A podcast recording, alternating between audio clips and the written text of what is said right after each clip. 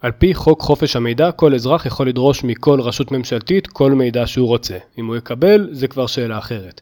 אני ביקשתי מהביטוח הלאומי לדעת את החלוקה של ההשקעה בחיסכון לכל ילד בכל המדינה. זאת אומרת, כל הילדים בישראל שיש להם חיסכון לכל ילד, במה הם משקיעים?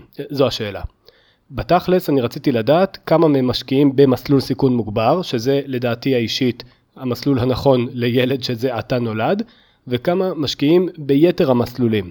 כי יתר המסלולים הם לא מסלולים בחשיפה מנייתית גבוהה, שזו החשיפה שלדעתי לפחות ילד צריך להיות חשוף אליה בגלל שיש לו עוד עשורי השקעה רבים מאוד לפניו. אני ניגשתי פסימי למשימה הזאת, והאמת שהתשובה שקיבלתי הפתיעה אותי לרעה. במסלול חיסכון לכל ילד יש שישה מסלולים סך הכל. סיכון מוגבר, שזה בעצם האפיק המנייתי ביותר, סיכון בינוני, סיכון מועט, בנקים, שריעה, שזה המסלול ההלכה המוסלמי, ומסלול הלכה יהודי. במכתב שקיבלתי מהביטוח הלאומי, מתוך כמעט 4.3 מיליון ילדים שיש להם חיסכון לכל ילד, החלוקה היא כזו. מספר המשקיעים במסלול סיכון מוגבר, שזה המסלול הנכון, לדעתי לפחות, הוא 771 אלף בלבד, ומספר המשקיעים, הילדים שמשקיעים במסלולים אחרים, הוא 3.5 מיליון. זאת אומרת, במילים אחרות, רק 18% מילדי ישראל נמצאים במסלול סיכון מוגבר, המסלול המנייתי. הסיבה לזה זה לא חוסר אכפתיות של ההורים, זה לא הבנה בשוק ההון, ותתפלאו, זו אפילו לא הבורות. הסיבה לכך לקוחה מתחום הכלכלה ההתנהגותית, ועל זה אני אדבר היום, בפרק הזה, על קבלת החלטות ועל כמה שאנחנו בני אדם אנשים לא רציונליים כשזה מגיע לכסף. פתיח ומתחילים. רגע לפני שמתחילים, ברוכים הבאים אל הפודקאסט השקעות לעצלנים. אני תמיר מנדובסקי, מחבר הספר השקעות לעצלנים, שאם אתם תאהבו את הפרק הזה, אתם כנראה תאהבו גם את הספר. היום ערב יום הכיפורים, אז קודם כל גמר חתימה טובה לכל המאזינים והמאזינות. ואם אתם סקמרים שפגעתי להם בהכנסה, אז אני ממש מצטער, אבל לא מתנצל. אני אמשיך לפעול בעוז למען האינטרס הכללי, ואם נפגעה לכם ההכנסה בעקבות הפודקאסט הזה, לא נורא, יש אפיקי הכנסה אחרים, תעשו אדפטציה. האזנה נעימה לכולם, ואנחנו מתחילים.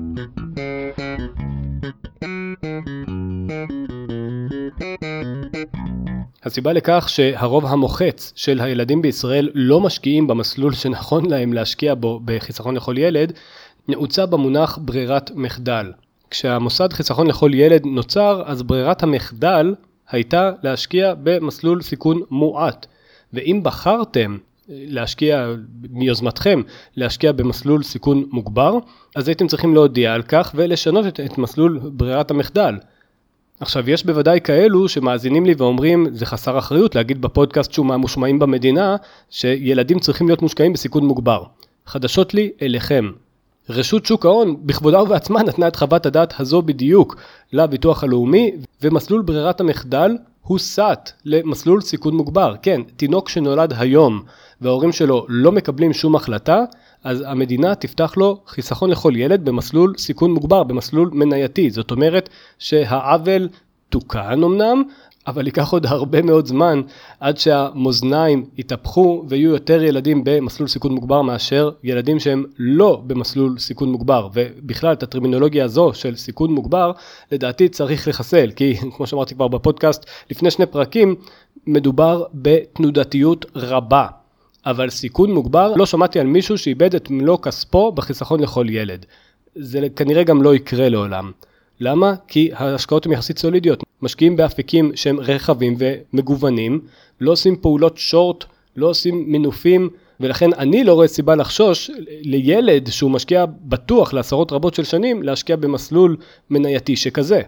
אם כבר ההפך, צריך לחשוש לא להשקיע במסלול מנייתי ולהשתחרר מהצבא עם חצי או שליש מהסכום של ילד אחר שכן השקיע במסלול מנייתי. מזה לדעתי צריך לחשוש. אבל הבעיה הזו של opt-in ו-opt-out, אני עכשיו אסביר מה זה, היא בעיה שלא חוסלה עכשיו עם השינוי של מסלול ברירת המחדל בחיסכון לכל ילד.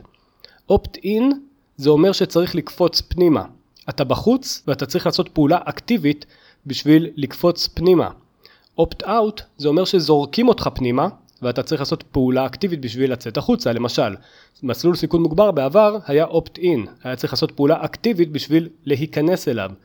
היום זה opt-out. אתם צריכים לצאת ממנו אם אתם לא רוצים את התנודתיות שמציע שוק המניות. גם בקרנות הפנסיה, נכון לעד לא כזה הרבה זמן, הייתם במסלול כללי, זאת אומרת מסלול עם חשיפה של פחות או יותר 30% מניות, לא משנה מי אתם ובני כמה אתם, בני 20, בני 30, בזבזו עשור מאוד מאוד מאוד יקר מהחיים שלהם עם חשיפה מנייתית של זקן בן 80. גם כאן הייתה התעוררות חלקית ברשות שוק ההון ובאמת עברנו למודל הצ'יליאני קוראים לזה שבעצם אה, יש חשיפה הדרגתית לפי הגיל אבל עדיין דעתי האישית רק כמובן לא המלצה מדובר בחצי עבודה. כי היום מי שפותח קרן פנסיה בגיל 20 אז עד גיל 50 הוא יהיה בחשיפה מנייתית של בין 50 ל-60 אחוזים שזה אכן יותר טוב מ-30 אבל עדיין מי שיהיה בחשיפה מנייתית גדולה יותר כנראה שייתן לעצמו מתנה מאוד מאוד גדולה בגיל הפרישה. דילמות של opt-in ו opt-out יש בשפע בעולם המוסר והאתיקה. דוגמה לדילמה מוסרית אחת, למשל, זה אם אתם שולטים בצמתים של הפסי רכבת, לא יודע אם אתם יודעים, אבל יש מישהו ב control ששולט בהן, ואתם רואים שמסילה אחת תוביל להתנגשות של קרון שיש בו חמישה אנשים, האם אתם תסיטו את הקרון למסלול אחר שעומד עליו כרגע פועל ועובד על הפסי רכבת? יש כאלה שיגידו כן, אין מה לעשות, זו תועלתנות. יש כאלה שיגידו, לא, אני לא יכול להביא למותו של אדם שלא עשה שום דבר רע לאף אחד, וזו דילמה מוסרית, אין באמת איזשהו אה, כלל אצבע אחד. אבל אני רוצה רגע לפנות אל אותם אנשים שכרגע אמרו לעצמם, כן, אני מסיט את המסילה, והקרון הזה, אין מה לעשות, אנחנו ניפטר מהבחור הזה שעובד על הפסי רכבת, אה, חייהם של חמישה אנשים חשובים מחייו של אדם אחד. נניח לרגע שאתם נמצאים במחלקה אונקולוגית בבית חולים. ויש כרגע חמישה אנשים ששוכבים במיטות שלהם, ואם הם לא יחליפו כל אחד איבר אחר, אז הם פשוט ימותו. אחד את הכליה, אחד את הכבד, ואחר את הריאות. אותם אנשים חייבים לקבל תרומת איבר ממש ממש בשעות הקרובות, אחרת הם יאבדו את חייהם.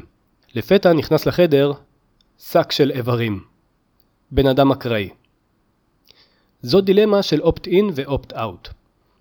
רוב האנשים יגיבו על הדילמה של הפסי רכבת, כן, אנחנו נדרוס את הפועל המסכן, אבל על הדילמה השנייה הם יגידו, לא, אני לא הורג עכשיו בן אדם בשביל לתרום את האיברים שלו, זה לא נשמע לי הגיוני.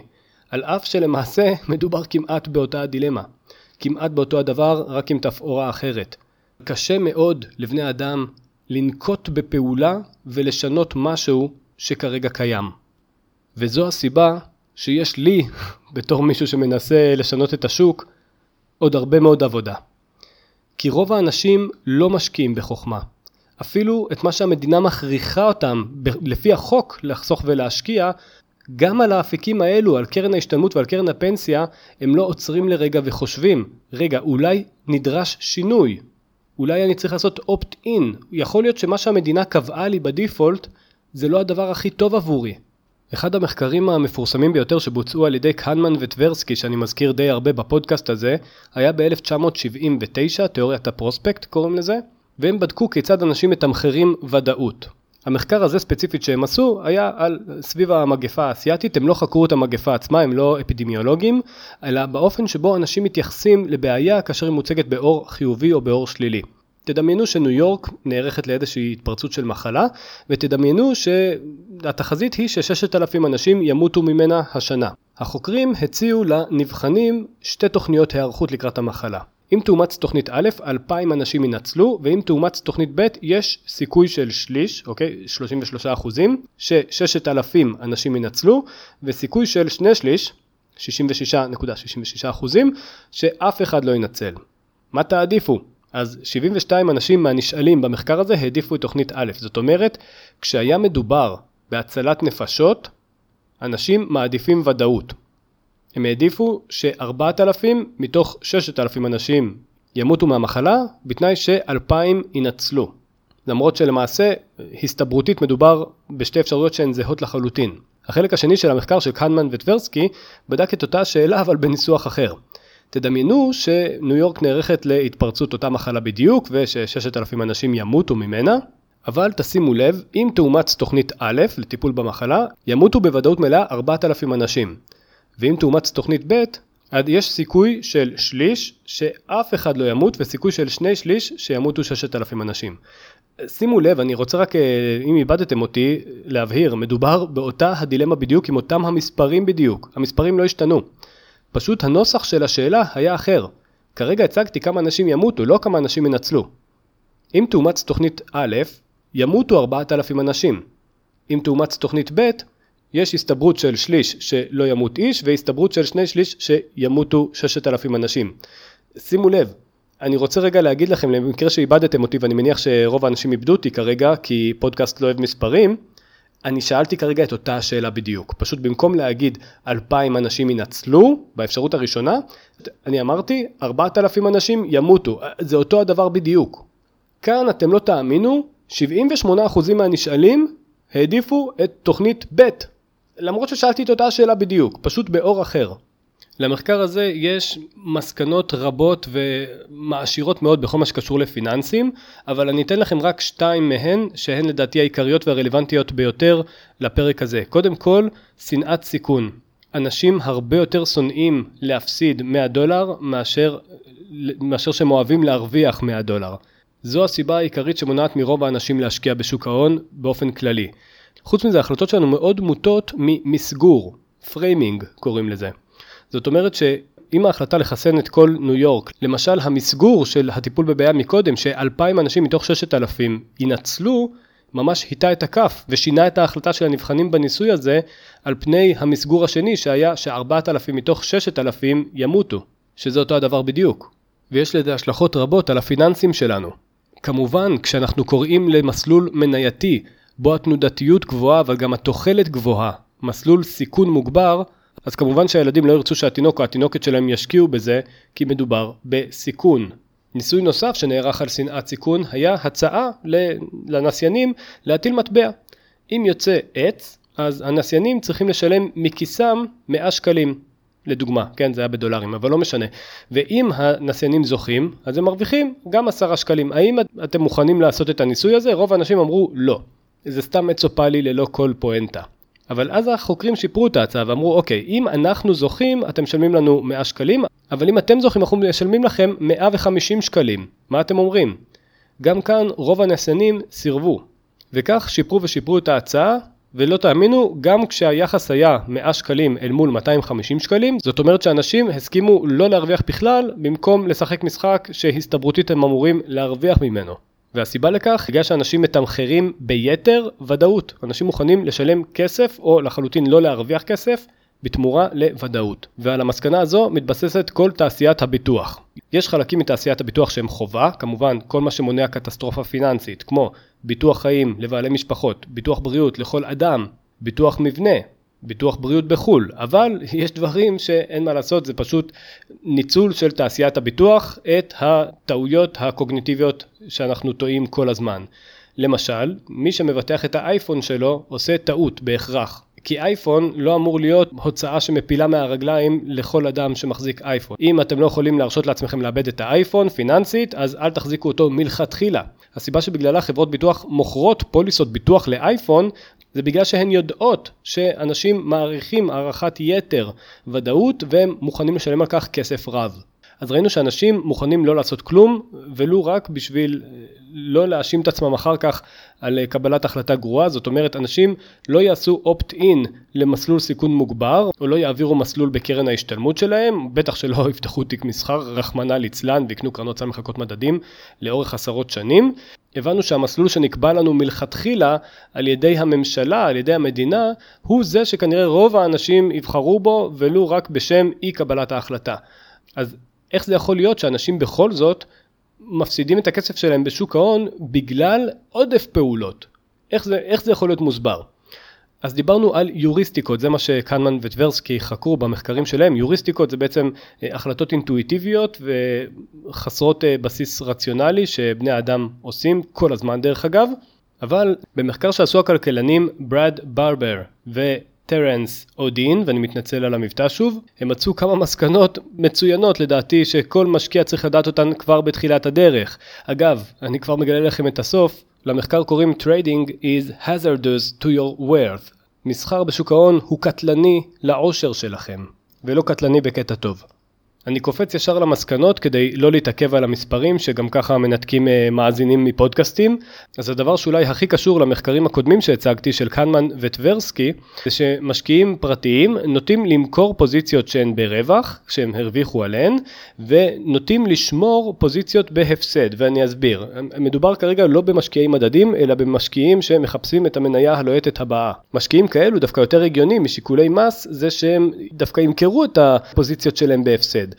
אבל בגלל שהם בני אדם, והם עבדים נרצעים של היוריסטיקות והאינטואיציות שלהם, אז הם לא רוצים להפסיד, הם לא רוצים להודות בהפסד, ולכן הם נוטים שלא למכור את הפוזיציות שלהם בהפסד. את הפוזיציות שברווח, את המניות שהם קנו, שהם הרוויחו עליהם, הם דווקא נוטים למכור. למה? כי הם רוצים אה, לסמן את עצמם בתור אנשים שמקבלים החלטות גאוניות, וכך הם מגדילים את חבות המס שלהם פעם אחר פעם. מעבר לזה, הם גם גילו שמשקיעים פרטיים סובלים מביטחון עצמי ביתר, וזה בא לידי ביטוי בהיפראקטיביות בפעולות, אוקיי? משלמים הרבה מאוד עמלות אה, פעולה, עמלות קנייה, עמלות מכירה, וגרוע מכך, עקב הפעולות הרבות שהם עושים, הם גם מפסידים את ימי המסחר הטובים ביותר, ואני אסביר איך. תדמיינו לרגע איזשהו סכום, נניח עשרת אלפים דולרים, זה לא משנה כמה, שמושקעים במשך 40 שנים. אם תפסידו את עשרת הימים הטובים ביותר במשך כל העשורים האלו, כל התקופה הזו, התשואה שלכם בסוף התקופה, בסוף העשורים האלו, בסוף 40 השנים, תהיה 54%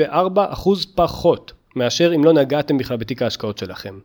אם הפסדתם את 20 הימים הטובים ביותר, אז אתם תסתפקו אך ורק ברבע רבע מההשקעה שהייתה אמורה להיות לכם אם לא הייתם נוגעים. עכשיו, יש אנשים שיגידו, רגע, אבל מה הסיכוי שאני עכשיו אה, אפסיד דווקא במקרה את עשרת ימי המסחר הטובים ביותר בבורסה?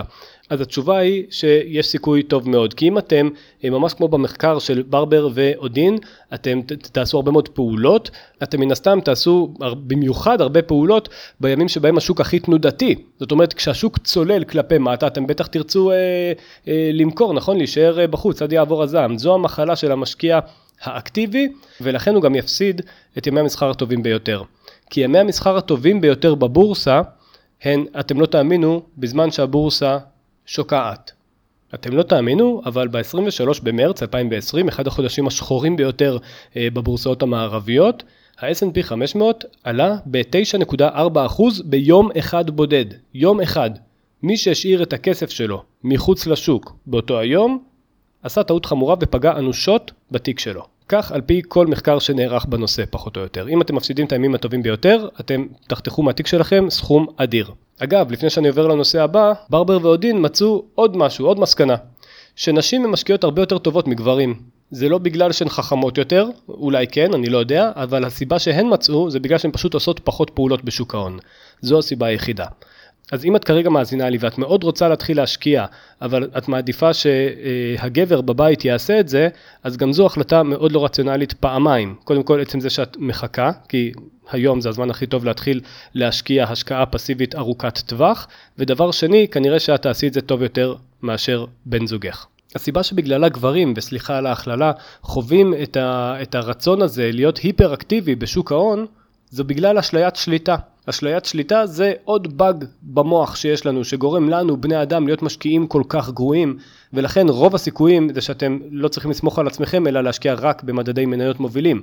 אשליית השליטה הזו מלווה אותנו בהרבה מאוד דברים בחיים, למשל כמו בכביש, כשאנחנו נמצאים בפקק יש לנו דחף בלתי מוסבר לעבור לנתיב השני. למה? בגלל שנראה לנו ששם אנחנו נשיג מסלול מהיר יותר אל המקום שאליו אנחנו רוצים להגיע. גם בשוק ההון זה ככה. למרות שכולנו יודעים שזה לא נכון. אם אנחנו נזגזג מנתיב לנתיב, אנחנו כנראה נאריך את הדרך שלנו. ובשוק ההון, כשיש איזושהי אי ודאות בשווקים, הרבה משקיעים יהיו מוכנים לעשות פעולות בשעת משבר, בזמן שיש אי ודאות בשווקים, כדי להרגיש שהם שולטים בסיטואציה. אבל האמת היא שהם ממש לא שולטים בסיטואציה.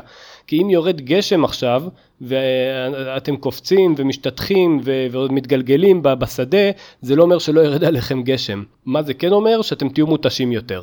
גם בשוק ההון, אם עכשיו יש חוסר ודאות בשווקים ואתם מוכרים, קונים, מוכרים, קונים, אז מה שבטוח זה שיהיה לכם עמלות יקרות והרבה מאוד אירועי מס, אבל האם זה יגן עליכם? כנראה שלא, ואתם גם מגדילים משמעותית את האפשרות שאתם לא תהיו שם בימי המסחר הטובים ביותר, כמו אותו יום במרץ 2020, שבו המדד עשה 9%.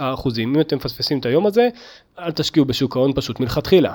גם הפרק הזה, כמו כל פרק אחר, אמור להוריד לכם את האסימון שאי אפשר לתזמן את השוק.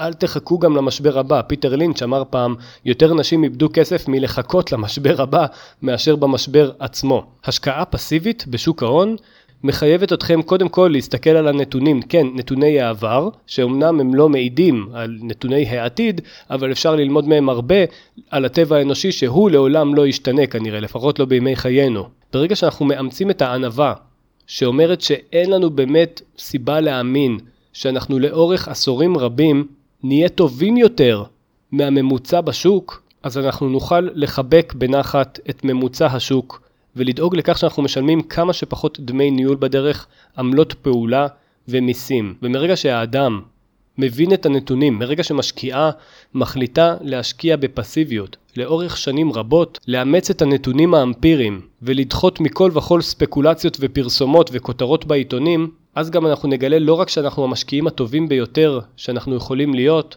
אלא גם שיש לנו הרבה יותר זמן לדברים שאנחנו באמת אוהבים לעשות, או דברים שבאמת מייצרים לנו כסף, כמו תחום המומחיות שלנו.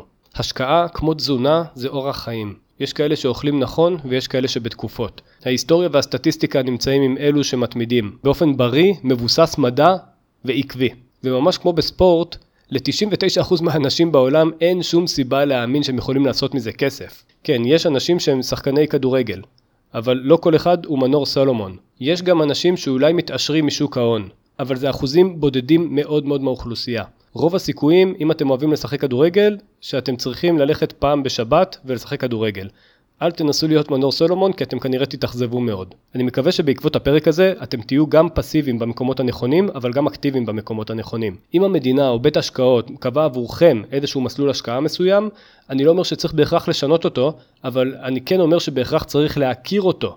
ולהבין מה זה אומר עליכם ועל העתיד שלכם. יחד עם זאת, במסגרת אותו מסע לימודי, אתם גם צריכים לזכור שכל שינוי זה כמו זיגזוג בכביש.